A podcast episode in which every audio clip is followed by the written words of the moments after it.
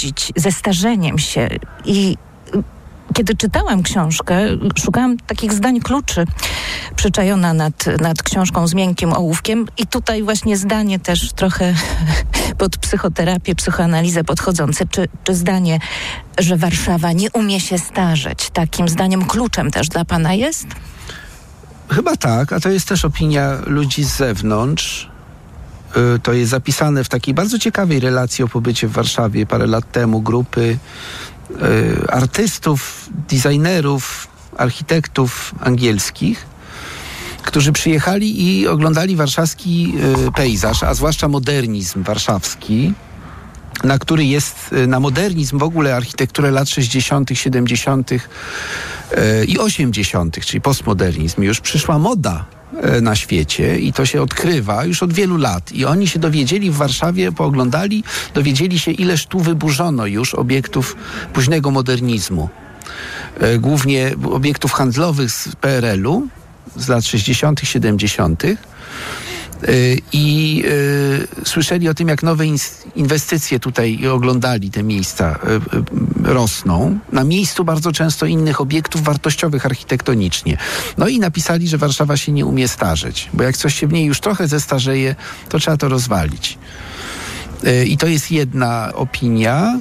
No a druga identycznej treści, wygłoszona przez Marcina Wichę, że to miasto zacierania śladów. Tak, że jak już coś w nim jest odpowiednio stare, no to już nie ma wartości, prawda? I jest taka przestrzeń e, martwa pomiędzy tym, co jest zabytkiem yy, i wymaga ochrony, a tym, co jest nowością i budzi jeszcze respekt jako nowe i yy, lśniące, nowatorskie i tak dalej.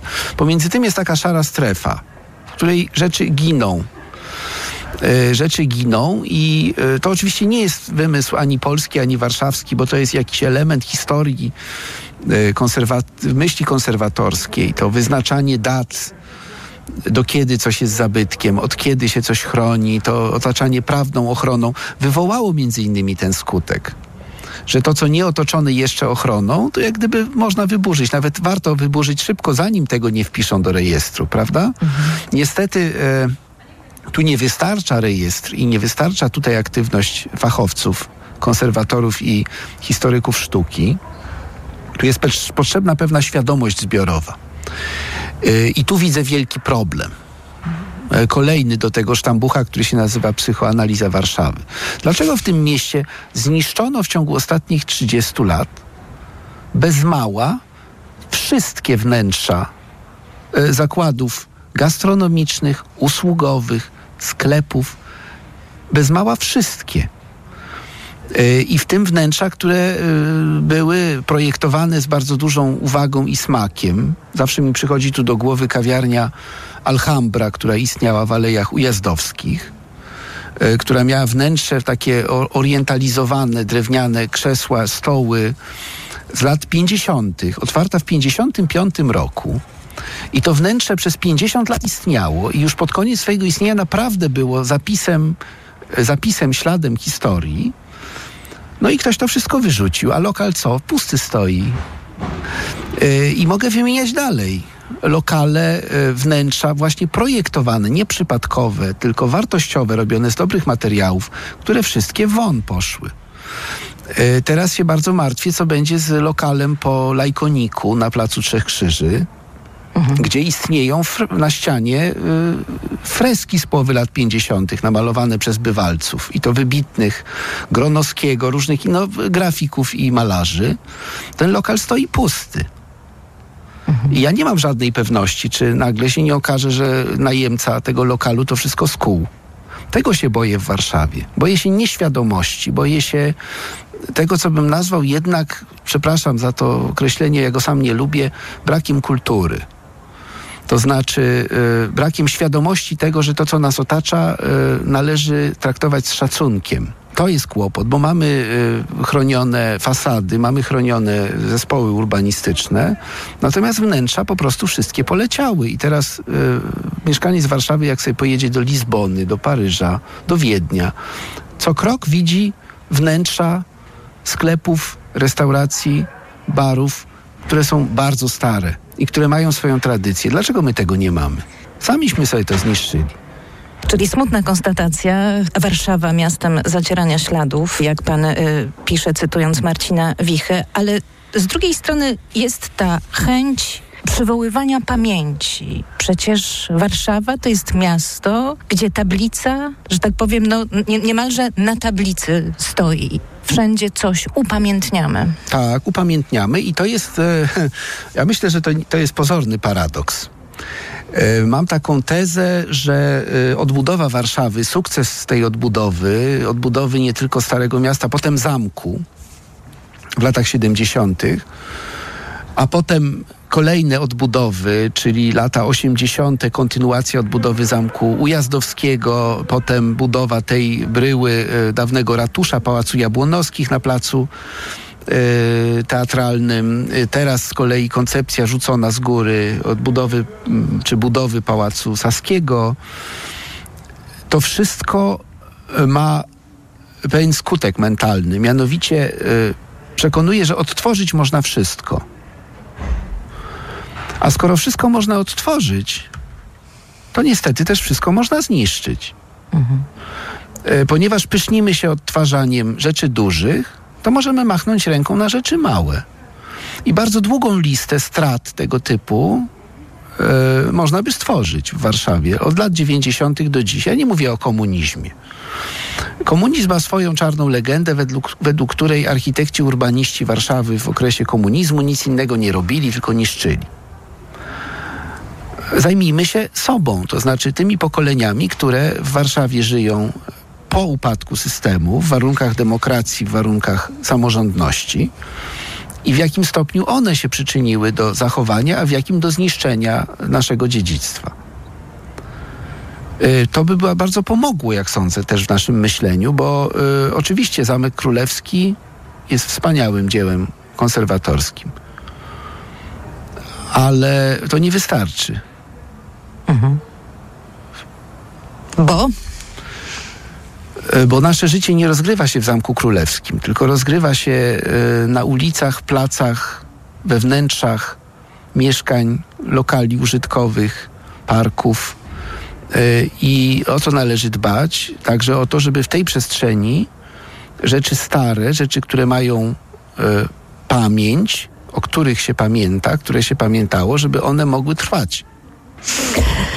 Muszę się przyznać, że miałam taki pomysł e, tuż po przeczytaniu książki, żeby w tej rozmowie operować hasłami mm, wyciągniętymi z narracji i myślę, że dość istotnymi.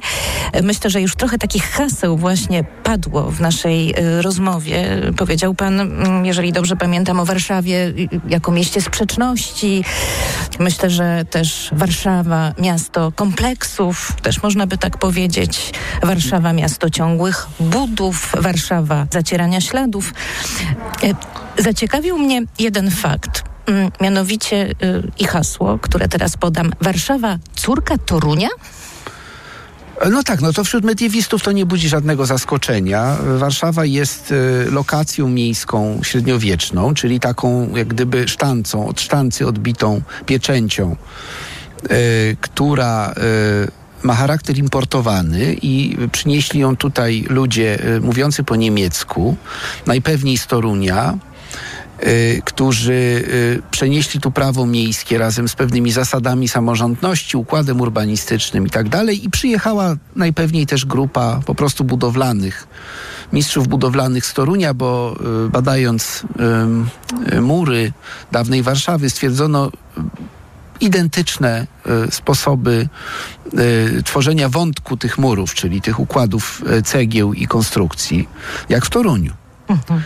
E, I to są ślady, które przekonują, że to była, był import, e, że zasadcami Warszawy byli ludzie e, związani prawdopodobnie z zakonem krzyżackim, to znaczy z jego planami gospodarczymi, bo zakon to przecież nie tylko były wojny, ale to przede wszystkim była gospodarka i handel i bogacenie się na tym handlu i rzemiośle i grupa zasadźców, rzemieślników następnie i kupców, osadziła się tutaj, tworząc taką, em, takie emporium handlowe, czyli miejsce, w którym się towar gromadzi, yy, wysyła dalej, magazynuje, wycenia i tak.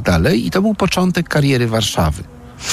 No, czyli wielkie ukłony y, dla Torunia. oczywiście, że tak. To zresztą no, Posyłamy. każdy, kto się przejdzie po Toruniu, y, dzisiaj widzi, jak bardzo jego założenie średniowieczne jest imponujące w porównaniu z warszawskim. To było miasto znacznie, znacznie potężniejsze, większe, ważniejsze.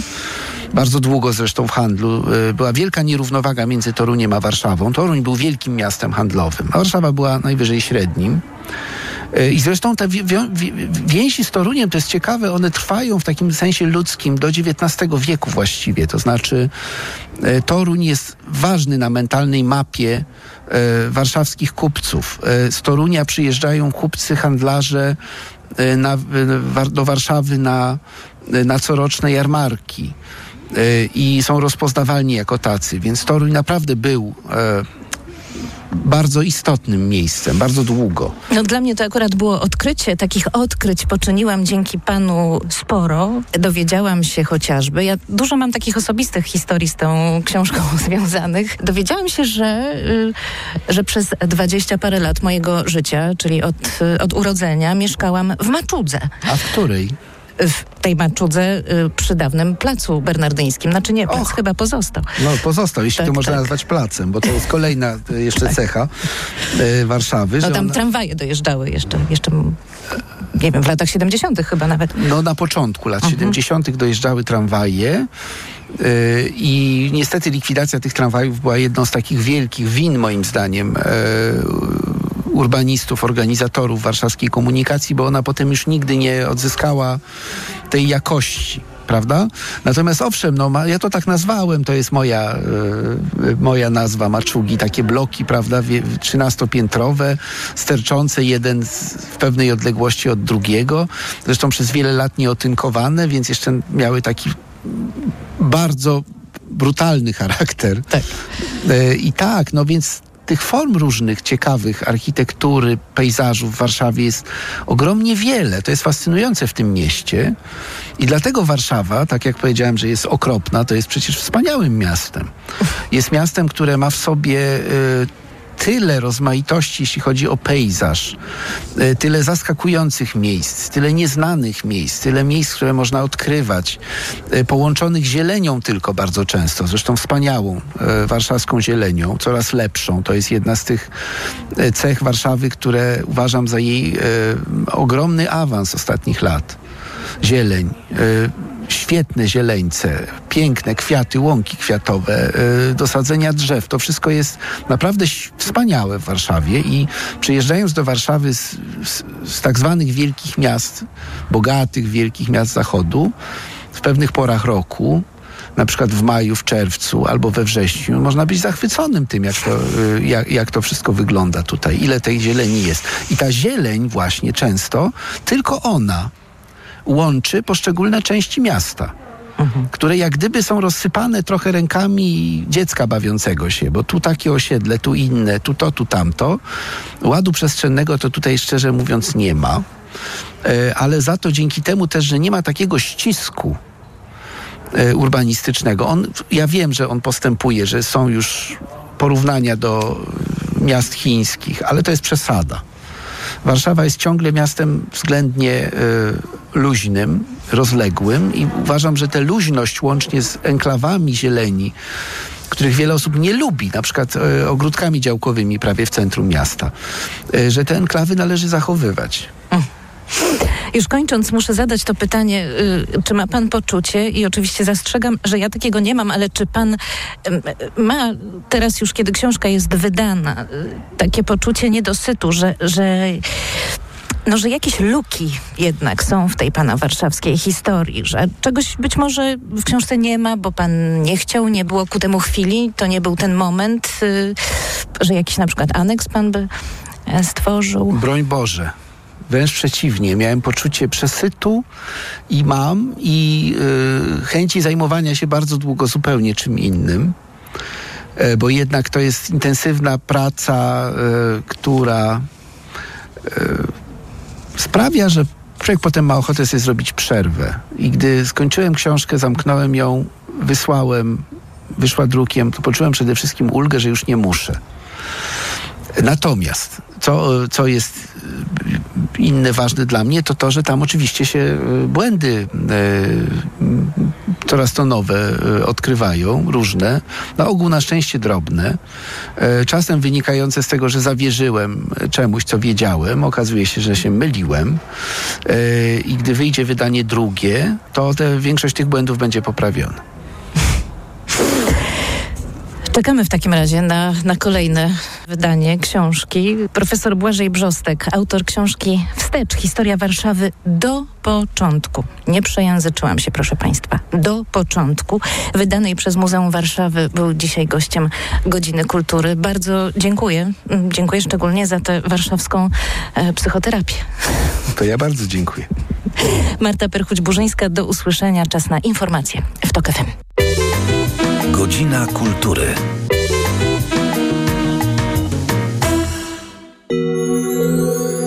To co najlepsze w TOK FM. Wy chcecie zapisać Jana Pawła II do PiS dzisiaj. Wy nie chcecie go bronić. Pomyślcie sobie, co powiedziałby Jan Paweł II, gdyby słuchał o chamskiej hołocie. To wasze słowa, prezesa Kaczyńskiego. Wy jesteście w stanie potem się powoływać na Jana Pawła II? Jakiej wy sprawie służycie? Wy jesteście faryzeusze. Wstyd, panie Kowal, wstyd. Stanął pan po stronie tych, którzy są przeciwko Polsce. Radio TOK FM. Pierwsze radio informacyjne. Posłuchaj, aby zrozumieć.